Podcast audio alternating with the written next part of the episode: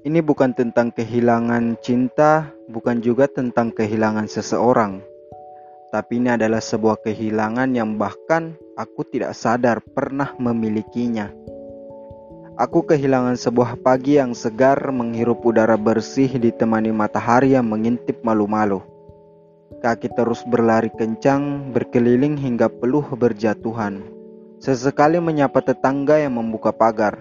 Selamat pagi, ucapku sambil berlalu.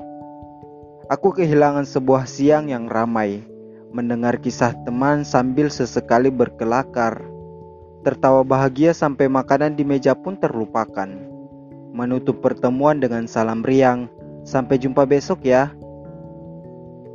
Aku kehilangan sebuah malam yang nyaman, merencanakan esok hari sambil membaringkan badan. Berdoa agar segala hal yang dilakukan akan berjalan lancar sambil menunggu beratnya mata menutup perlahan.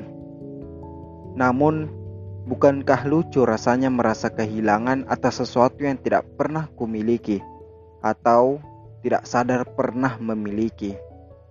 Karena memang diri ini baru menyadari arti dari sebuah hari yang biasa, namun ternyata menyimpan makna yang luar biasa. Karena memang diri ini baru menyadari arti dari sebuah pertemuan yang menyimpan banyak kenangan.